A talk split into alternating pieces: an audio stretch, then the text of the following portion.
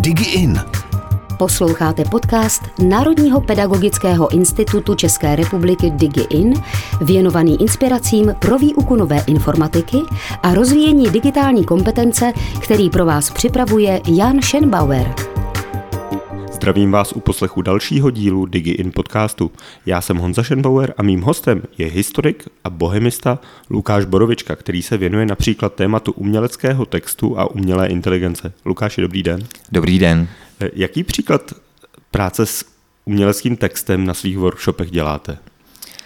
Já jsem nedávno na workshopu, který se konal na Národním pedagogickém institutu v rámci eh, Digi Roadshow, pracoval s divadelní hrou Karla Čapka RUR, ale v podstatě bych k tomu řekl, že není ani tak důležité, jaký text vyberu, protože ty metody je možné aplikovat v podstatě na kterýkoliv umělecký text. To je natolik obecná metoda, eh, která funguje v podstatě s jakýmkoliv textem.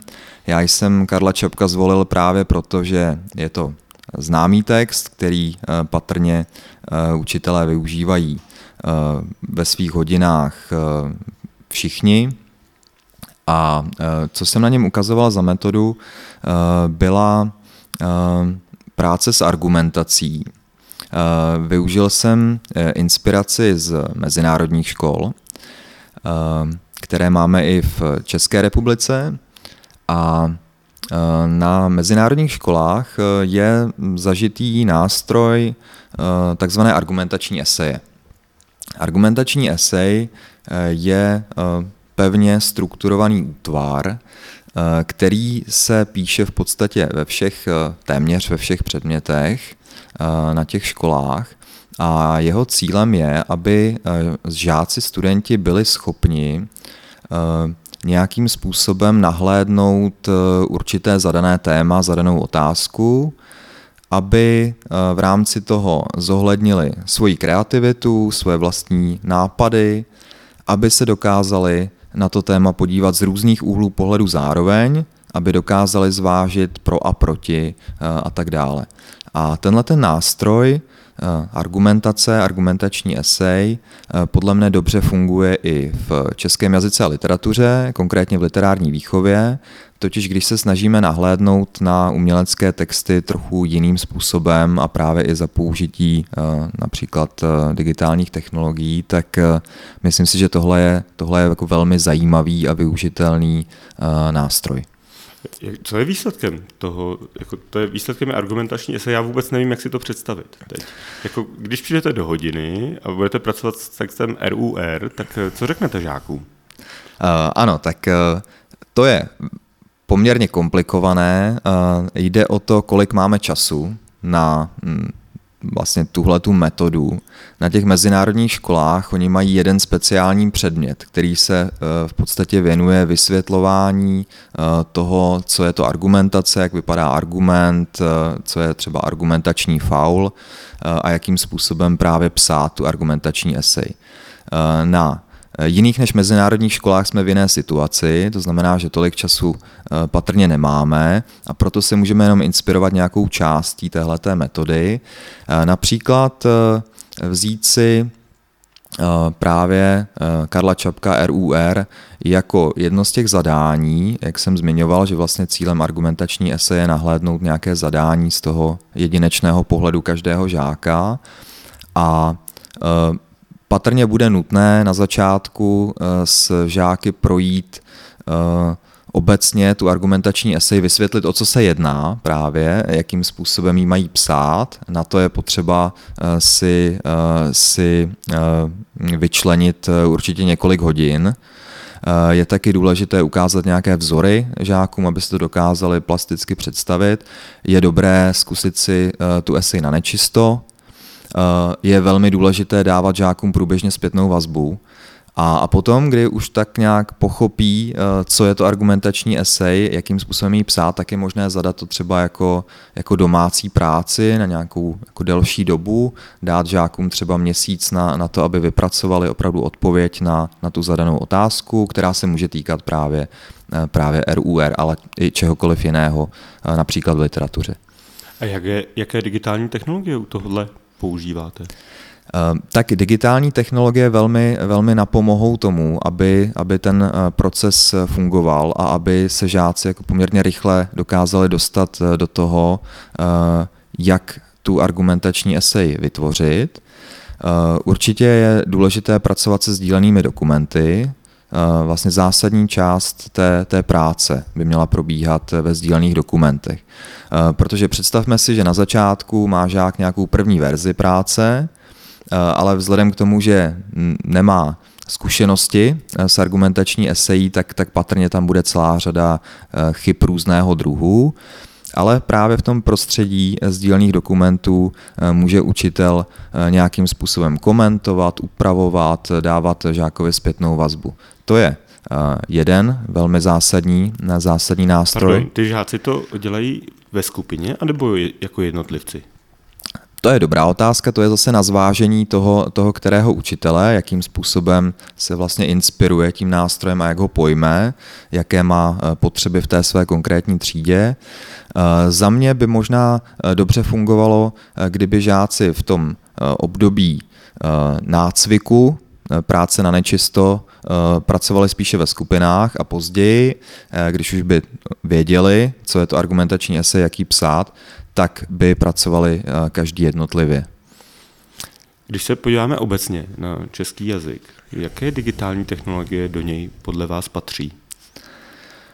Myslím si, že už poměrně dlouhou dobu žáci pracují s různými vyhledávači, pracují s různými eh, aplikacemi, eh, které eh, jim vlastně napomáhají zrychlovat ten, ten proces získávání informací. Na základě toho právě i třeba v nedávné době, kdy se, kdy se objevila velká, velká diskuze o umělé inteligenci, a kdy vlastně ta umělá inteligence dokáže vygenerovat například i slohovou práci na základě nějakých svých databází, eh, tak eh, se právě eh, učitelé snaží, myslím si, nějakým způsobem nahlédnout, jak jinak tu, tu češtinu učit, aby vlastně zohlednili to, že žáci mají k dispozici právě, právě tyto nástroje. A když jsem mluvil o argumentaci, to je za mě jeden z těch způsobů, jak skutečně rozvíjet kompetence žáků. Eh, s ohledem na to, že eh, frontální výklad eh, o tom, kdo byl Karel Čapek, kdy napsal divadelní hru RUR a tak dál, to jsou informace, které si v podstatě každý žák dokáže velice rychle díky digitálním technologiím vyhledat. A nedává mu smysl věnovat tomu například celou hodinu ve škole.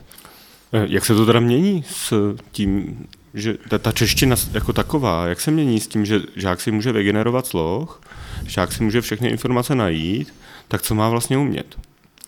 Eh, myslím si, že to je právě teď eh, velká výzva pro učitele, jak, jak ten předmět nově, nově uchopit, pojmout, tak aby to bylo zajímavé jak pro ně, tak samozřejmě pro žáky, aby se během výuky skutečně žáci rozvíjeli. Myslím, že, že jsou nastavené v, ve strategických dokumentech eh, klíčové dovednosti, které žáci musí, eh, musí ovládat. Eh, jsou i různé výstupní testy typu didaktický test k maturitě, kde taky se testují různé, různé kompetence, dovednosti. Myslím, že tohle je otázka pro každého jednotlivého učitele, jakým způsobem vlastně ten, ten předmět v současné době pojmout a, a taky tam eh, zásadní roli sehrává ředitel, který, má, který teď bude mít nově kompetenci vlastně nastavit v rámci školy, eh, jak, jaké metody jsou například žádoucí eh, v různých předmětech a tak dál. A které ty kompetence to jsou pro vás, jako pro učitele? Které hmm. v rámci českého jazyka? Hmm. Pro mě určitě ty komunikační, to znamená, ehm, za mě je velmi důležité, aby žák dokázal eh, prezentovat nějaké téma, aby dokázal prezentovat svůj názor eh, před nějakým publikem, aby dokázal reagovat na eh, otázky z toho publika, Za mě je taky velmi důležité, aby žák dokázal napsat text, který skutečně není pouze nějakou směsicí různých citátů a nedrží pohromadě, ale aby to byl text, který je přesvědčivý a který opravdu vyjadřuje žákův názor. A zároveň pro mě jsou důležité i ty kompetence, eh, které se projevují v práci ve skupině, eh, to znamená schopnost nějaké týmové spolupráce, eh, přispět svou silnou stránkou ke zdaru toho projektu skupinového a tak dále. To znamená za mě spíše než ty, ty znalosti, které tam určitě jako sehrávají významnou roli, tak jsou důležité ty komunikační dovednosti. Jakou roli má v češtině pravopis? A i s příchodem umělé inteligence, i s vzhledem k textovým editorům, jak s tímhle s tím pracovat, jak moc chtějí žáci umět eh, správně psát? Tak eh, u pravopisu je, je taky dobré říct, že máme k dispozici různé nástroje, které nám velmi rychle eh, dokážou eh, najít odpověď eh, na to, na co se ptáme, to znamená třeba jaké i se píše v nějakém pádu nějakého slova. Je to internetová jazyková příručka a za mě taky velmi podstatné, aby žáci věděli o této příručce, aby s ní dokázali, dokázali pracovat, což, což mnohdy není tak úplně automatické, že by, že by žák vlastně si dokázal vyhledat v té příručce to, co potřebuje. Tam je podle mě taky, taky důležité rozvíjet nějakou, nějakou kompetenci, vyhledávat eh, informace. Uh, obecně, si, obecně si myslím, že uh, umělá inteligence uh, nemá až takový problém s pravopisem, pokud se bavíme o těch vygenerovaných textech v českém jazyce. Takže nedělá chyby.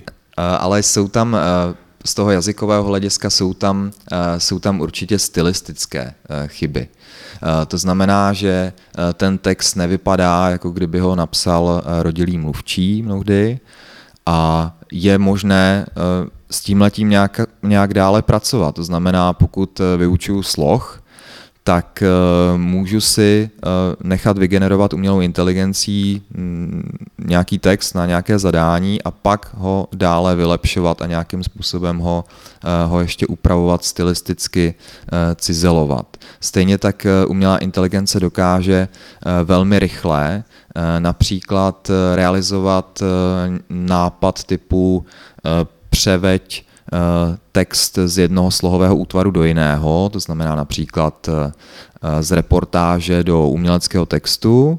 A já se vlastně můžu potom dále zaměřit na to, eh, jak, jak ještě ten text jako dále, dále vylepšovat, ale velmi mi urychlí vlastně ten, ten proces, tu práci. Já nemusím věnovat celou hodinu tomu, abych, abych vlastně tyhle, ty, tyhle, tenhle ten text převedl z jednoho útvaru do jiného.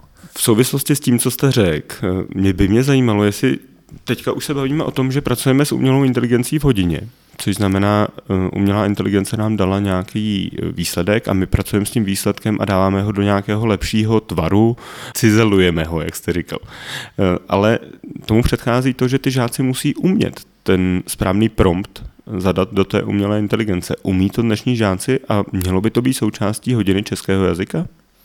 To je velmi důležité. Myslím, že je to podobný problém, eh, na který jsem už narazil, když jsem mluvil o té internetové jazykové příručce. Že ona je jedna věc vědět o tom, že něco takového existuje, další věc je vědět, eh, jak se eh, k ní dostanu, pamatovat si buď ten konkrétní odkaz, tu konkrétní stránku, anebo umět si najít ve vyhledávači. A ještě další věc potom je, vědět, co všechno můžu v té příručce najít, kde to najdu a, a jakým způsobem se k těm informacím dostanu. A něco podobného je tedy i u eh, promptů eh, v umělé inteligenci, kdy pokud zadáte například jednoduché zadání, aby žáci zjistili základní informace ke Karlu Čapkovi, tak a procházíte si třídou, tak eh, zjistíte, jak se velmi liší eh, ta zadání, ty jednotlivé prompty a jak se v návaznosti na to liší i ty, i ty výsledky. A samozřejmě eh, platí, že čím kvalitnější, přesnější zadání, tak tím kvalitnější výsledek. A myslím si, že tohle je něco, co je určitě potřebné žákům sdělit, ukázat a za mě by to určitě mělo být eh, součástí eh, výuky českého jazyka, ale nejenom. Zase bych tady odkázal na, na praxi mezinárodních škol, kde eh, ty zásadní kompetence vlastně jsou řešeny i v rámci samostatného předmětu a potom ještě v rámci těch jednotlivých předmětů navíc k tomu. To mě napadá, jestli by do budoucna nemohlo být tou tou kompetencí to, že žák přinese vlastně text, který mu vygenerovala umělá inteligence a a vedle toho postaví text, který z toho on postavil a kde přinesl svoje myšlenky a kde u, ukáže na to, kde ta umělá inteligence případně dělala statistické chyby a případně dělala faktické chyby. Je tohle prací budoucnosti v českém jazyce? Za mě by to tak opravdu vypadat mohlo a vlastně by se mi to i líbilo, eh, zvláště pokud by eh, rozdíly mezi těmi dvěma texty byly nějakým způsobem srozumitelně zaznamenány třeba právě v prostředí toho sdíleného dokumentu. A myslím si, že pokud by se v budoucnu uh, tvořilo pravidelně na školách něco podobného, tak by to uh, zároveň žáky připravovalo i na to, uh, co je čeká potom v životě po maturitě, po škole, kdy skutečně mnohdy je potřeba nějakým způsobem upravovat texty, třeba docela zásadně a to i v různých povoláních. Prostě tohle zadání je celkem, eh, celkem běžné, vy si můžete nechat umělou inteligenci vygenerovat nějaký vstupní text, ale potom k tomu musíte samozřejmě přidat celou řadu dalších věcí, ověřit eh, různé informace a tak dále. Takže ano, takhle by se mi to líbilo. Víme, že umělá inteligence si často vymýšlí. Eh, jak s tímhle s tím pracovat a vůbec jak se pracovat s dezinformacemi nebo s neověřenými informacemi? Je, patří to do českého jazyka nebo to patří do jiného předmětu? Co, jak to vidíte? Eh, myslím, že součástí průřezového tématu eh, mediální výchova jsou, jsou právě tato, tato témata.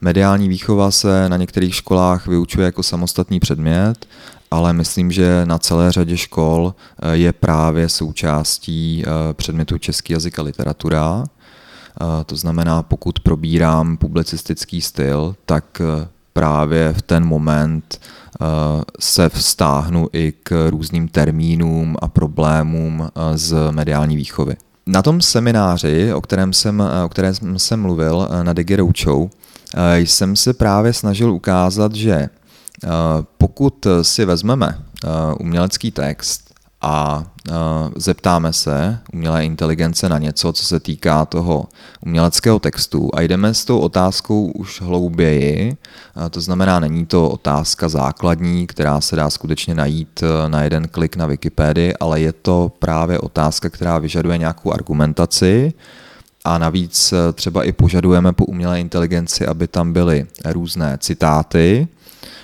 z toho uměleckého textu, tak zjistíme, že ten výsledek eh, většinou vypadá tak, že citáty sice eh, máme, ale nejsou to reálné citáty, nejsou to citáty z toho, z toho textu požadovaného a myslím si, že v ten moment je zase dobré pracovat s tím dále. To znamená vzít si elektronický text, v tomhle případě RUR, a Eh, za prvé tedy skutečně ověřit, že to, co nám eh, vygenerovala umělá inteligence, není obsaženo v tom textu.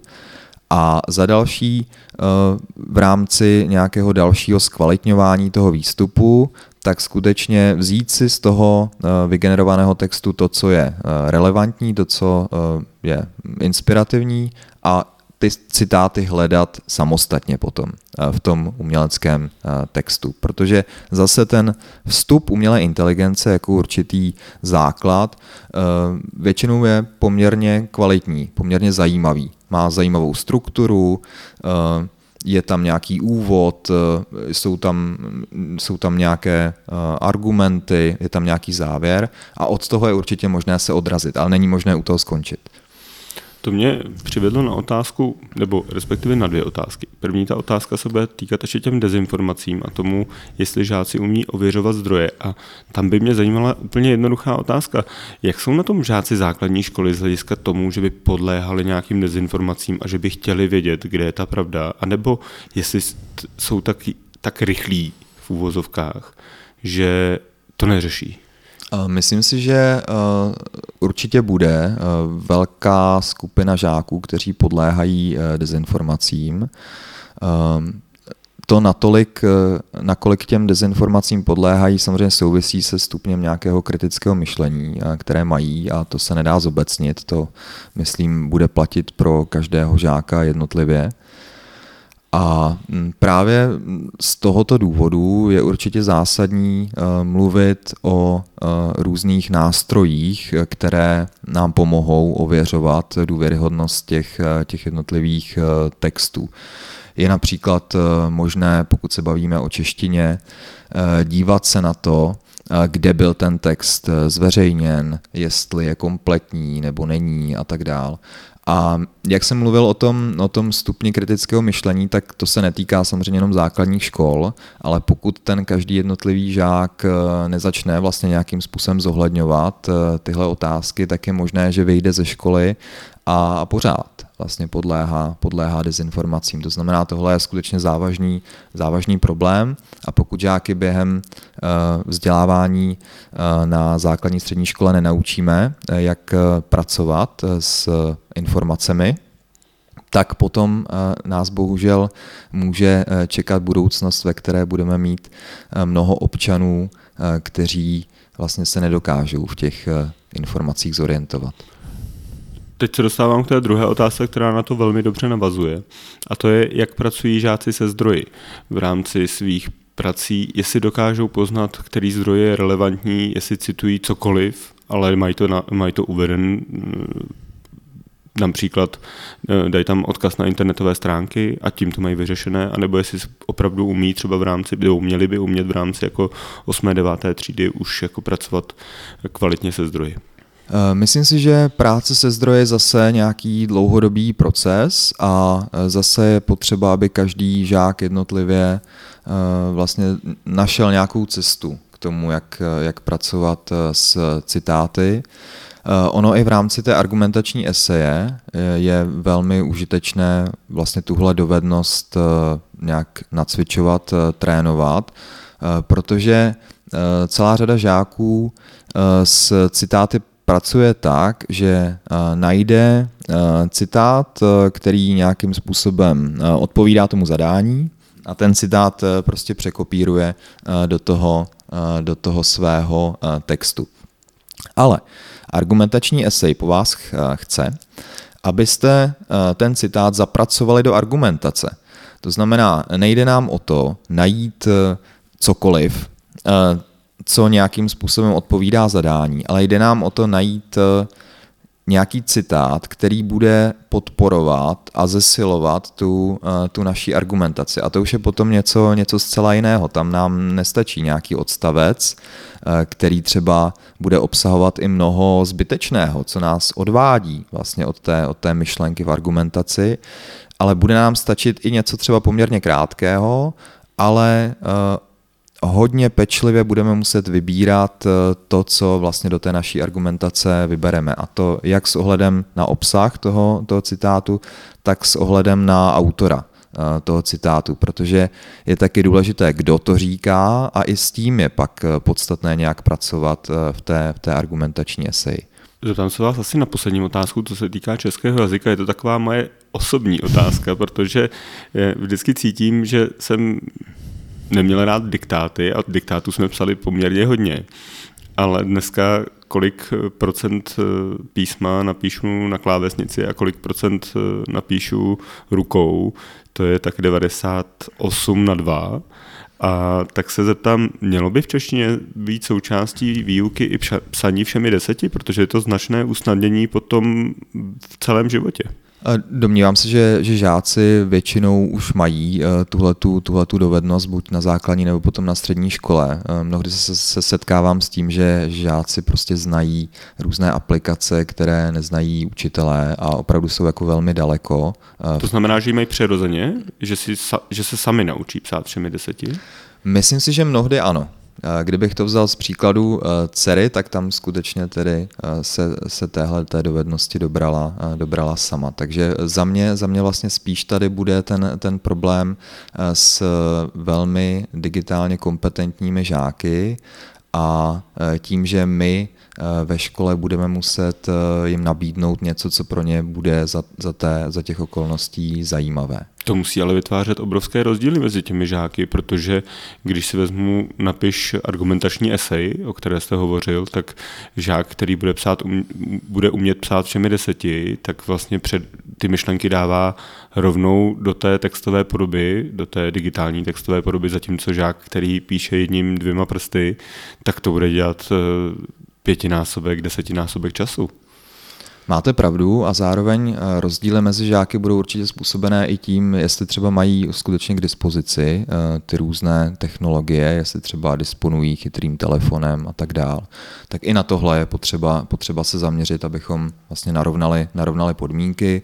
Eh, vím, že se tomu věnují různé, různé programy. Třeba v současnosti máme projekt, který umožňuje škole zakoupit a zapůjčit buď třeba telefon nebo tablet, tak, aby vlastně vůbec měl k dispozici ten žák eh, třeba v nějaké složité ekonomické situaci ten, eh, ten nástroj. Ale jinak eh, určitě, pokud jde o prohlubování různých různých propastí, tak je podstatné učinit vlastně tuhle dovednost běžnou součástí hodiny, tak, aby se ty propasti dále, dále neprohlubovaly. Říká bohemista, historik a pedagog Lukáš Borovička. Lukáši, díky moc za rozhovor. Není zač. Právě jste doposlouchali první část rozhovoru s Lukášem Borovičkou, kde jsme se bavili především o výuce českého jazyka. Pokud vás zajímá, jak Lukáš Borovička učí dějepis, puste si druhou část pořadu.